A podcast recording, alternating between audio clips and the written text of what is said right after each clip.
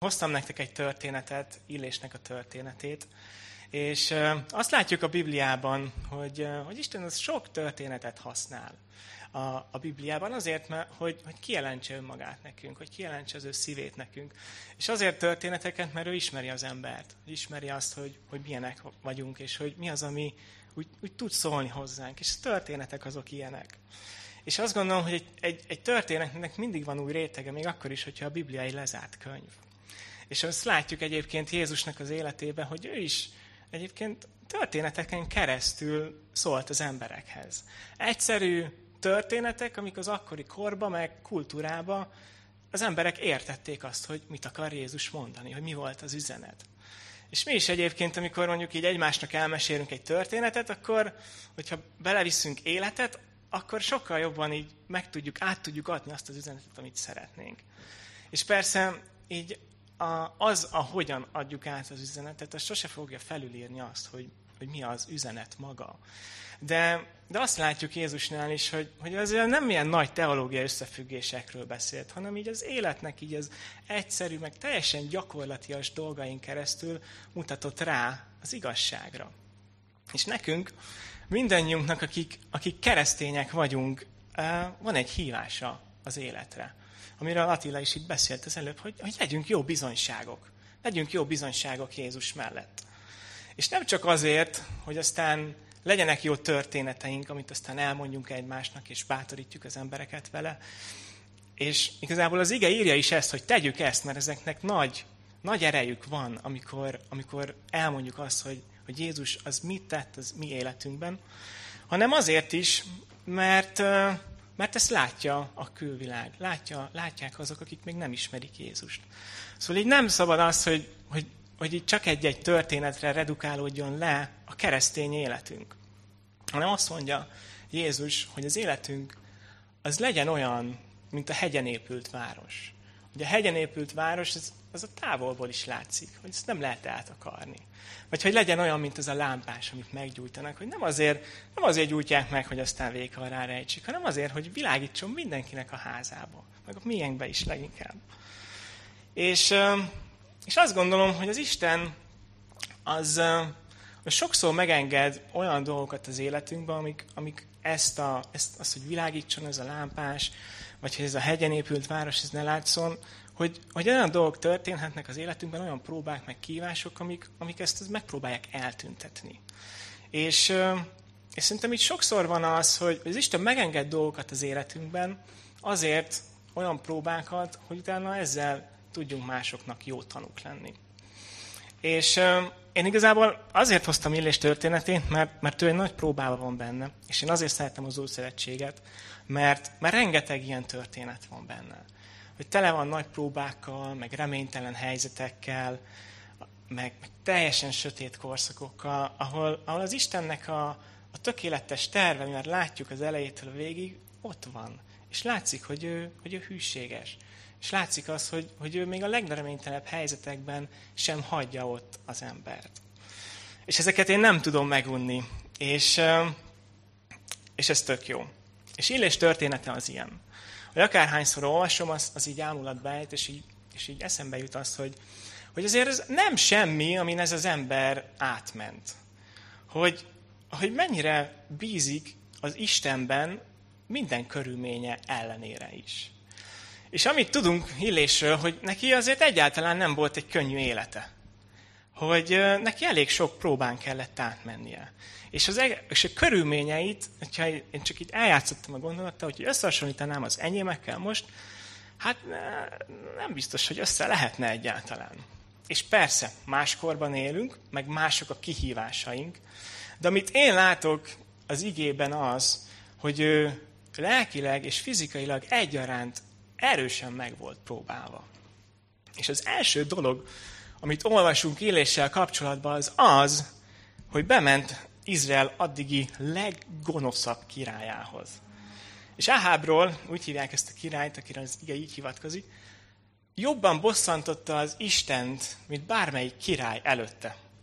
És így mi Budapesten pont a királyok könyvébe tartunk, még nem tartunk Illés történeténél, de látjuk azt, ahogy, ahogy Dávidtól, Salmontól kezdve egyre inkább Izrael csúszik le a bűnbe, és, és erkölcsileg, gazdaságilag, meg Isten iránti engedelmességben egyre inkább távolabb kerülnek, és kerülnek egyre inkább mélyebbre. És most itt vagyunk a legmélyén, Áháb királynál.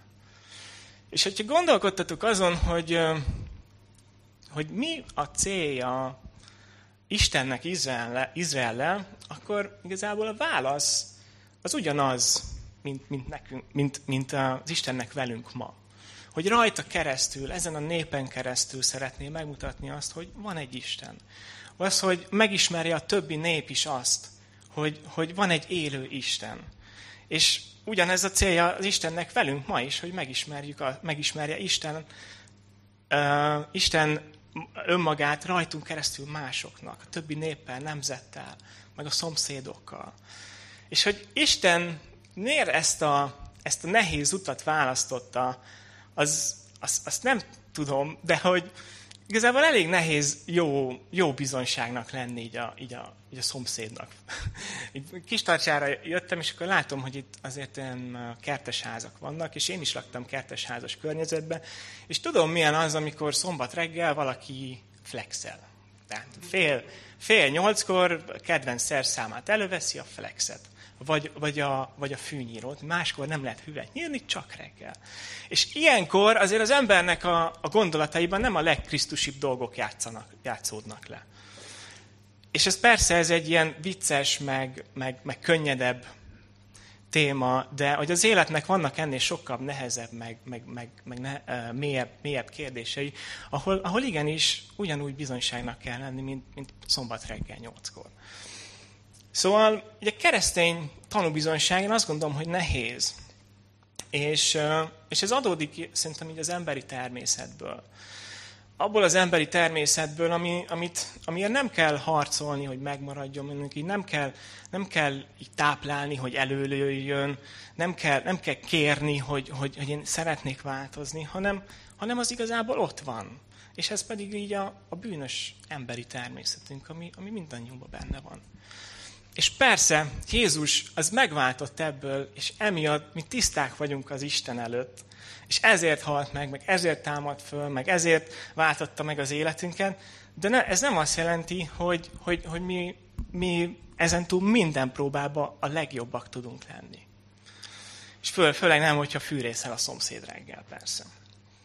És a másik pedig az, ami, ami, ami nehézséget okoz, sőt, a legnagyobb nehézséget okozza, hogyha a tanúbizonyságban az, hogyha egyszerűen nem vagyunk engedelmesek az Istennek. Az, hogy, hogy nem vagyunk engedelmesek az Istennek az akaratának, az igéjének, meg az ő lelkének. És, és keresztényként, és szerintem főleg, hogyha régebb óta járunk az Úrral, akkor így könnyű beleesni abba a csapdába, hogy, hogy szeretnénk azt a látszatot föntartani, hogy engedelmesek vagyunk. De az a jó egyébként, és én ennek külön örülök, hogy az Istent ezt nem lehet becsapni. És, és lehet, hogy embereket, meg, meg magunkat így sok-sok munkával lehet, de az Istent azt nem. És ez tök jó, mert, mert amikor erre rájövünk, hogy, hogy bizony, bizony pár területen a látszatot mutatjuk, és belül az nem az van, akkor oda lehet menni az Istenhez, és azt lehet mondani, hogy Istenem, bocsáss meg nekem. És az Isten nem fogja azt mondani, hogy huha, hát én erről nem tudtam, vagy úgy, ez teljesen új dologként ért engem. Nem azt fogja mondani, hogy Balú, de jó, de jó, hogy rájöttél. De jó, hogy, de jó, hogy te is rájöttél erre. Én örülök neki. És hogy azt gondolom, hogy az Istennek a, Istennek a szíve az ilyen. És láthattuk azt, hogy az Izraelt az engedetlensége az egyre inkább bűnre bevitte. És itt van ez az Áháb király, aki, aki aztán feleségül vesz egy olyan nőt, aki, aki nem az Isten terve szerint volt, mert az Isten azt mondta, hogy ne vegyen feleségül olyat, aki nem izraeli, um, és a feleségét Jezabelnek hívnak, és ez a Jezabel miatt olyan bálmányimádás kezd el terjedni Izraelbe, amire eddig ott nem volt példa. Addig is volt, de egyre inkább elterjedt. Sőt, és igazából ez a Jezabel nem csak azt mondja, hogy felejtsétek el Istent, a Jahvét, Izrael addigi Istenét, hanem azt mondja, hogy írtsátok ki az Úr összes profétáját, hogy nyoma se maradjon az Istennek addig.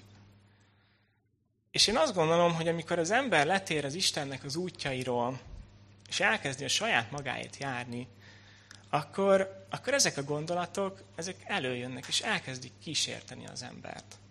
Elkezdik kísérteni, hogy az Isten, meg az Istennek a tette, meg az én tanúbizonyságom az életben annak nem maradjon nyoma. Hogy az csak valami gyerekkori ábránd legyen, vagy esetleg hagyomány, mert a családom az keresztény, vagy az elmémnek a játéka, esetleg pszichológia, hát gyenge voltam, szükségem volt valami nagyobb erőre, és azt gondoltam, hogy az az Isten.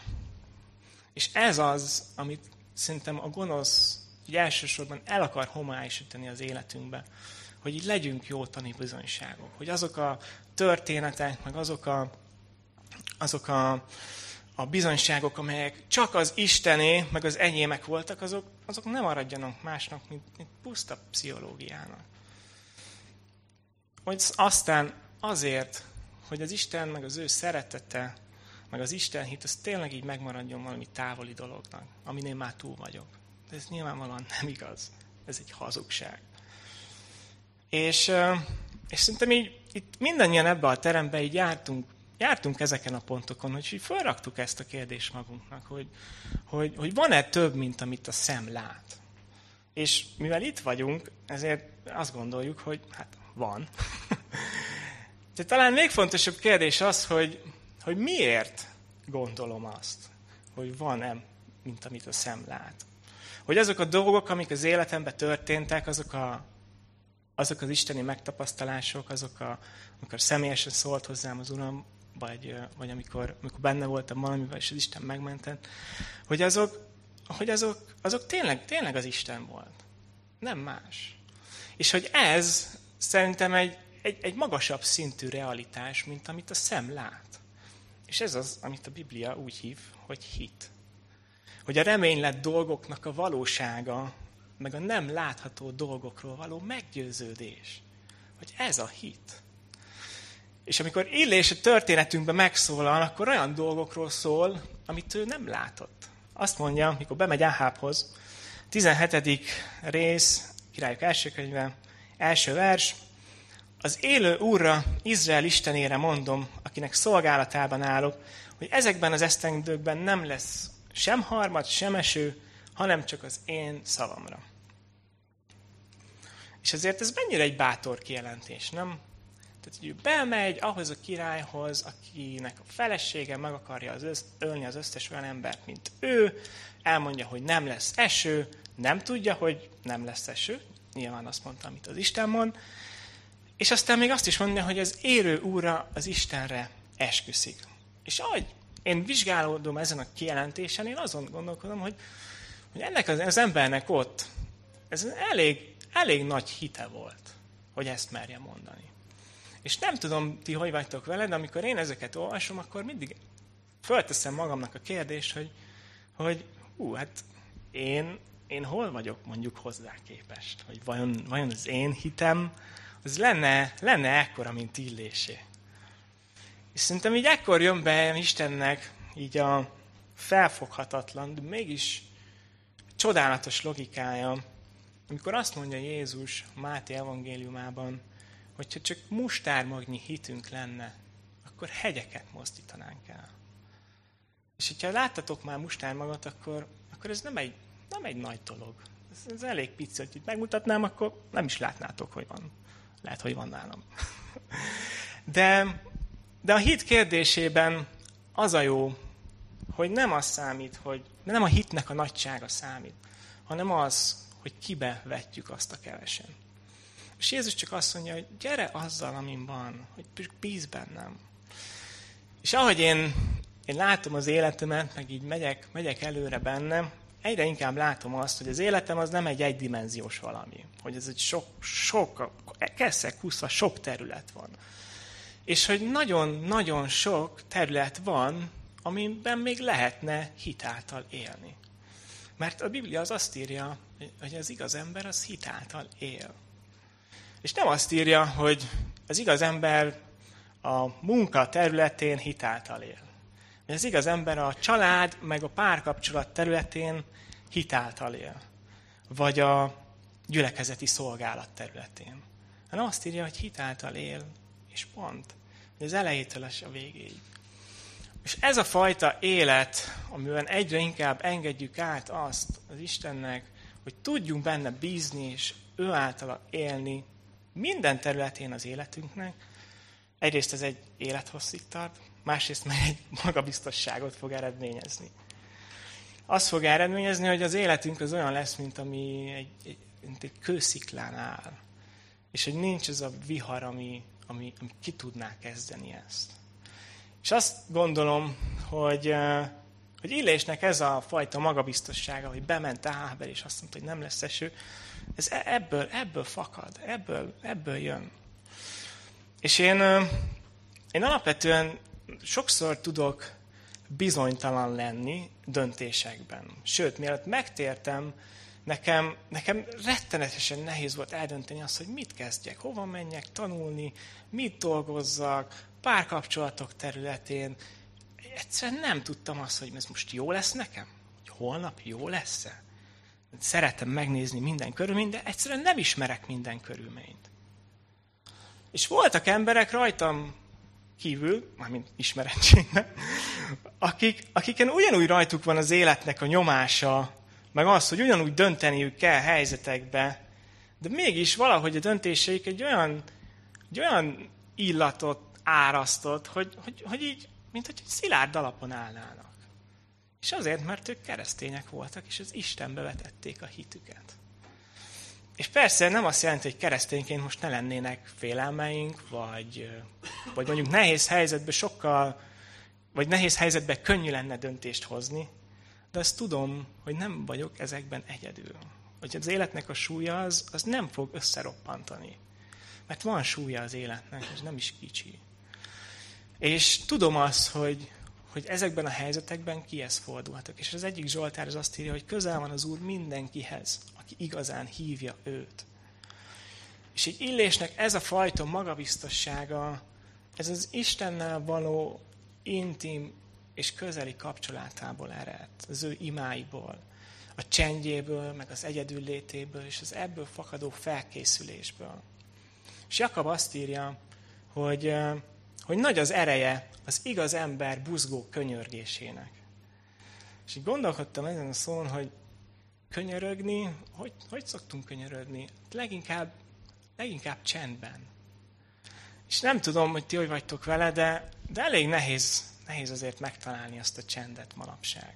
Még a Covid alatt is, amikor nem nagyon tudtunk mit csinálni, akkor is azért sikerült beletöltenem az életembe olyan dolgokat, amiket egyáltalán nem kellett volna, mert semmi szükségem nem volt rá. És hogy mindig, mindig hallgatok valamint, ha mindig van a kezemben valami, és akkor emiatt sokszor észreveszem, hogy a, hát a szívem az meg, az meg üres ezek miatt. És hogy mennyivel könnyebb lenne, hogyha, hogyha mondjuk azt a sok időt, amit mondjuk a telefonomnak a nyomogatásával töltök, mert minden hétfőn kapom az értesítést, hogy ma, hogy az elmúlt héten hátlagosan hány órát foglalkoztam a telefonommal, és így, ú, hát lehet, hogy mondjuk, hogy csak egy részét azzal tölteném, hogy az Isten előtt vagyok csöndbe, lehet, hogy magabiztosabb lennék az életben.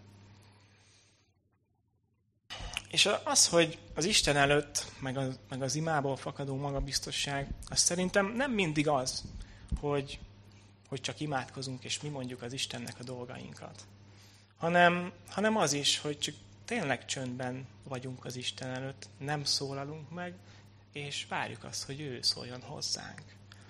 És hogy csak így gondolkodom, meg elmélkedek, meg meditálok azon, hogy, hogy vajon az Isten az, az mit tervez ma nekem, meg hogy mit akar nekem mondani, hogy Uram, szólj hozzám. És ilyenkor szerintem, szerintem az Isten az szól. És ez az a, ez az élet, amire szerintem Jézus az, az így hív mindannyiunkat. Hogy, hogy ő arról beszél, hogy ő azért jött, hogy életük legyen. És ugye azért jön, hogy teljes életük benne, és ugye ti most fejeztétek be a János evangéliumát, és biztos elidőztetek eznél a versnél, és nekem ez szerintem az egyik legnagyszerűbb vers így ebből az evangéliumból, de hogy én az, azon gondolkodtam, hogy, hogy az, hogy teljes életük, az nem feltétlen jelenti egy hosszú, meg egészséges életet. Bármennyire kiábrándítóan is hangzik ez. Vagy nem mindig jelent egy, egy könnyű, meg, meg kényelmes életet. Vagy nem egy, egy olyan életet, amiben, amiben nincsenek könnyek. És így pont az előző hét, vagy most ezen a héten, á, vasárnaptól már új időszámítás van gyülekezeti naptár szerint, szóval e, még előző héten, ö, járok három barátommal ö, boxolni. És pont erről beszélgettünk, hogy, hogy férfiak sírhatunk-e, vagy hogy könnyezhetünk-e, hogy lehetünk-e, lehetünk-e olyanok, akik, akik, akik érzékenyek. És mindannyian itt tökre egyetértettünk abba, hogy hát persze. És persze nem azért, mert jó megütjük egymást, aztán utána sírunk, hanem azért, mert hogy nekünk is ugyanúgy húsz szívünk van. Egy kőszív helyet kaptunk mindannyian egy húsz szívet, ami nem érzéketlen. És hogy megvan a helyem ennek. És szerintem Dávid, amikor írta a Zsoltárait, akkor, akkor biztos, hogy nem farccal írta őket, hanem, hanem ő is ott az Isten előtt ott volt, és, és bizony kifejezte ezeket. Szóval Isten szerintem nem egy küzdelemmentes életet ígér, és itt, ugye itt a dalaink is azért, azért elég erősen mutatják ezeket. Vagy amiben, hogyha mondjuk ilyen ökölvívó analógiával élnék, akkor hogy, hogy ebben nincsenek pofonok, vagy néha nincsenek kiütések, de aztán utána meg, meg fölállunk, meg megyünk tovább, meg harcolunk tovább. És szerintem ez az a bőséges, meg elégedett élet, amiről az Isten beszél. Mert lehet, hogy néha bekapunk egy-egy jobb egyenest, vagy, vagy kiütnek minket, de megyünk tovább, mert az Isten az ott van ezekben a helyzetekben. És lehet, hogy tök másként avatkozik be, mint ahogyan mi gondoltuk, vagy nem úgy avatkozik be, mint ahogy én gondoltam, de ő attól még ott van. És ez szerintem, ez egy nemes élet. És talán ezt a szót, ezt nem is nagyon használjuk, hogy nemes élet. De hogy nemes élet az, amiben erő van, amiben kitartás van, aminek van értéke, meg súlya. És ez az az élet, amit Jézus ígér. És szóval azt látjuk, hogy miután, miután um, Illés bemegy Áhábhoz, és elmondta ezt a nagyon kemény jelentést, hogy nem lesz eső, Utána Isten őt a következő három és fél évben nagyon használja. Hogy gondoskodik róla természet feletti módon, hogy mindig annyit ad neki, mint amennyire pont szüksége van, mikor elfogy az élelme. A, lisztes fazék, meg az olajos fazék, meg a hollók hoznak nekik ételt. Vagy látjuk azt, hogy, is, hogy imádkozik Istenhez. És az Úr meghallgatja az ő imáit, és válaszol rájuk, és föltámad valaki a, a, a, a halálból hogy az Isten meghallgatta őt. Vagy szembeszáll az ellenségeivel. Hogy mond, ki mondja a bápapoknak, hogy gyertek ki, nézzük meg ki az igazi Isten. És most is mondja, hogy öntsétek le az, áldozatot vízzel, és úgy is meg fog gyulladni, és meggyullad. Mert az Isten akarata az ez, akkor bármilyen lehetetlen helyzet, az, az való, való meg fog történni. És hogy az Isten válaszol neki, míg a bápapoknak a, a, az áldozata az, az nem ég, és azok csöndbe maradnak. És mennyi, mennyi csodálatos dolog történt ebbe a három és fél évben. És utána meg, meg lesz eső újra Izraelbe, ahogy, ahogy, ahogy ő megmondta. És, és sok ember megtér, és visszafordul Izraelbe, Istenhez. És mindezt egyetlen egy ember által. Hogy mekkora dolgokat vitt véghez Illés. És Jakab mégis azt írja Illésről, hogy olyan ember volt, mint mi. Miután Isten erőteljesen használta a illést, meg ennyi csoda, meg, meg természet feletti dolog történt, illés az elfárad. És ezt olvassuk a 2-től 4-ig való versben, a 19. részben. Jezabel követeket küldött Illéshez ezzel az üzenettel. Úgy bánjanak velem az Istenek most és ezután is, hogy holnap ilyenkorra azt teszem veled, ami azokkal történt. Illés megijedt, elindult és elment, hogy mentse az életét, és elérkezett a judai Beérsebába. Legényét otthagyta, ő pedig elment a pusztába egy napi földre. Odaérve egy rekettye bokorhoz leült alá, meghalni kívánt, és ezt mondta. Elég, uram, vedd el az életem, most már nem vagyok jobb az elődeimnél. És Illés, miután annyi minden dologgal átment az Istennel, látta Isten csodáit, meg az ő kezét munkálkodni rajta keresztül az egész nép életében, elfárad, és elmenekül. És elhiszi azt a hazugságon, hogy az Isten őt már nem tudja megvédeni. Hogy az Isten cserben hagyta, hogy belevitte valamibe, aztán ott hagyta. És azt kiáltja, hogy elég már, elég volt már Istenem, hát sosem fogok megpihenni. Hát engem mindig üldöz valami, vagy mindig harcolnom kell valamiért. Elegem van már ebből, Istenem. Elég volt. Vedd el az életemet. Nem vagyok jobb az elődeimnél. És Illés itt ezen a ponton azt érezte, hogy a fáradtság miatt ő kimerült. Hogy kimerült a folyamatos küzdelemben, és el akar, fel akarja adni. És szerintem nagyon könnyű, mert mindannyian benne vagyunk valamiféle harcban, nagyon könnyű ilyenkor így szólni az Istenhez. Istenem, én, én már reggel már, már ott lennék a mennyországban. Én már, én már nem, nem akarok már küzdeni.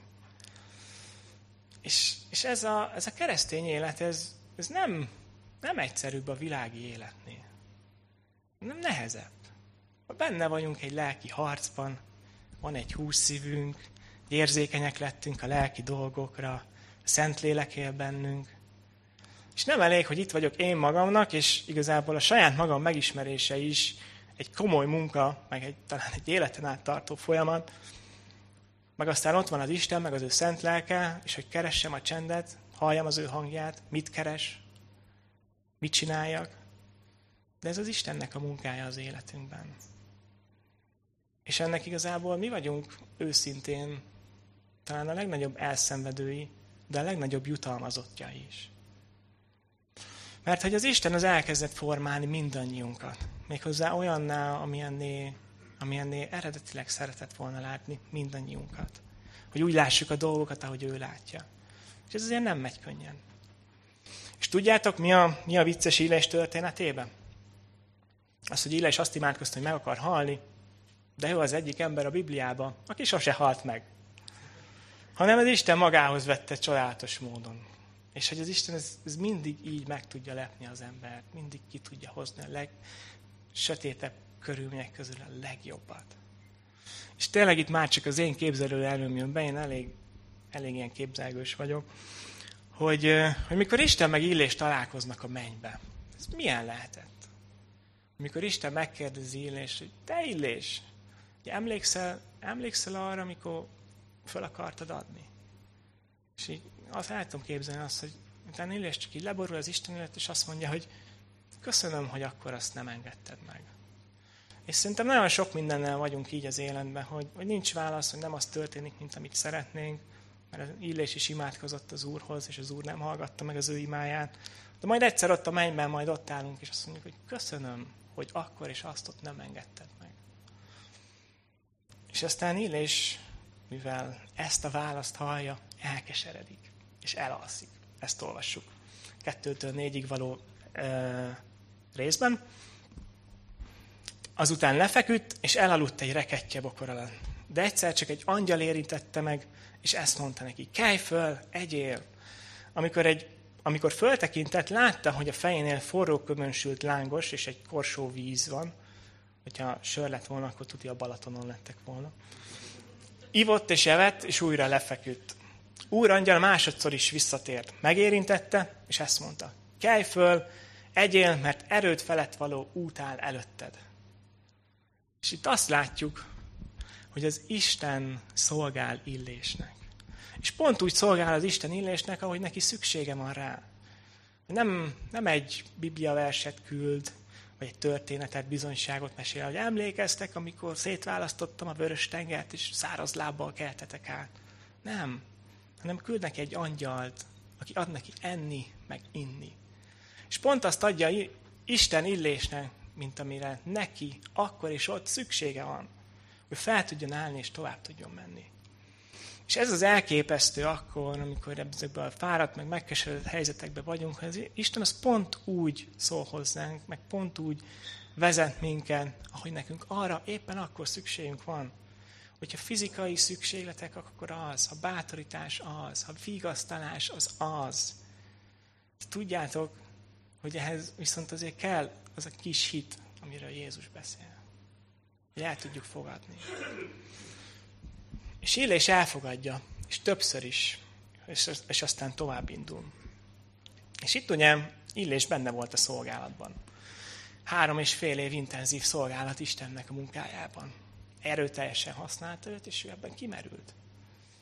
És én pont harmadik éven vagyok fél lábbal így a Pesti Gyülibe, félállásban ott dolgozom, és, és, és én nagyon szeretem azt a helyet még mindig, de három év az a hely, ami, aminél azért már látszik az, hogy, hogy hát már úgy reálisan látjuk a dolgokat. És ez minden munkahelyre igaz egyébként. Az első egy év az minden jó, főnök jó, folyamatok jó, kollégák jó, és aztán három évnél van az, hogy hát ezt lehetne már jobban is csinálni, meg, meg a másik helyen ott jobban csinálják, meg, ja, meg a fizu is jobb. De, de ne jegyetek meg, én nagyon szeretem a Pesti Gyűjt, mert az Isten csodálatos dolgokat végez ott a médiában. És és, és tényleg nagyon jó, és az egész gyülekezet tényleg a szívemben van. De, de még inkább ezzel csak arra akartam rámutatni, hogy, hogy el lehet fáradni a keresztény szolgálatban is. Még akkor is, hogyha az ember ezt próbálja jól csinálni. Meg próbál tanulni másoknak a hibáiból. Meg betartani azokat az igazságokat egyébként, amik ugyanúgy érvényesek a nem keresztényekre, mint a keresztényekre. Például az, hogy pihenj. Hogy ne dolgozz hét napból hetet vagy nem te vagy az, aki összetartja a szolgálatot. És ezt pont úgy mondom, hogy én most itt az alkalom előtt rettenetesen izgultam arról, hogy, hogy így uh, elindul a közvetítés Budapesten. Nem, nem néztem meg, remélem elindult. És, és ebben el lehet, el lehet fáradni szerintem. És az Istennek a szolgálatában, vagy a gyülekezetben egy, azért egy kicsit meg is lehet vakulni hogy nem vesszük észre azt, hogy ugyanolyan emberek vagyunk, mint... nem veszük észre, hogy ugyanúgy emberek vagyunk. De viszont magunkra veszünk valami mennyei, vagy valami örökkévaló súlyt, amit igazán nem is, nem is szántak nekünk. És igazából belülről sem tudjuk félváról venni a dolgokat, mert nem mondhatom azt, hogy, hogy, hogy á, nem érdekel, ha összedől. Vagy nem, nem, nem érdekel, majd nem megyek máshova. És szerintem így azért nyitottnak kell lenni így az Isten vezetésére, mindenképpen a keresztény szolgálatban, de nem szabad figyelmen kívül hagyni azt, hogy, hogy emberek vagyunk, és ugyanúgy el, el tudunk fáradni. És nem akkor van gond szerintem, amikor valaki elfárad, hanem akkor, hogyha mondjuk ebben nem kérünk segítséget valakitől hogyha megokulunk a saját szolgálatunktól, akkor hiszem azt, hogy azért az Isten az lát minket, és tudja azt, hogy nekünk szükségünk van. És ilyenkor már láttam, hogy ilyenkor az Isten az küld segítséget, hogy küld embereket. És lehet ezek az emberek, ezek másképpen csinálják, csinálják, vagy máshogy gondolják, de attól még, attól még ott vannak, és az Isten küldte őket. És a gond az talán ott kezdődik, amikor, amikor ezt nem akarjuk elfogadni. És a, Illésnél azt látjuk, hogy ő elfogadta az angyalnak a segítségét kétszer is, és utána ment tovább. És méghozzá 40 nap, meg 40 éjszaka át mennetelt, és megérkezett a Hórep hegyhez. Bement egy barlangba, és egy kicsit ugyanúgy folytatja, ahol abba hagyta. Egy kesereg, egy siránkozik. Hogy az Isten az helyreállította egy, szolgá, egy ö, szükségletét, hogy adott neki enni, meg inni, meg aludt egyen, de van Illésnek egy mélyebb szükséglete. Méghozzá van egy olyan szükséglet, amit csak az Isten tud megadni. Ez a lelkének a szükséglete. És a 11-12-es vers azt mondja, Illésnek mondja az Úr, az Úr ezt mondta, jöjj ki, és állj a hegyre az Úr színe elé. És amikor elvonult az Úr, nagy és erős szél szaggatta a hegyeket, és tördelte a sziklákat az Úr előtt, de az Úr nem volt ott a szélben. A szél után földrengés következett, de az Úr nem volt ott a földrengésben. A földrengés után tűz támadt, de az Úr nem volt ott a tűzben. A tűz után halk és szelit hang hallatszott.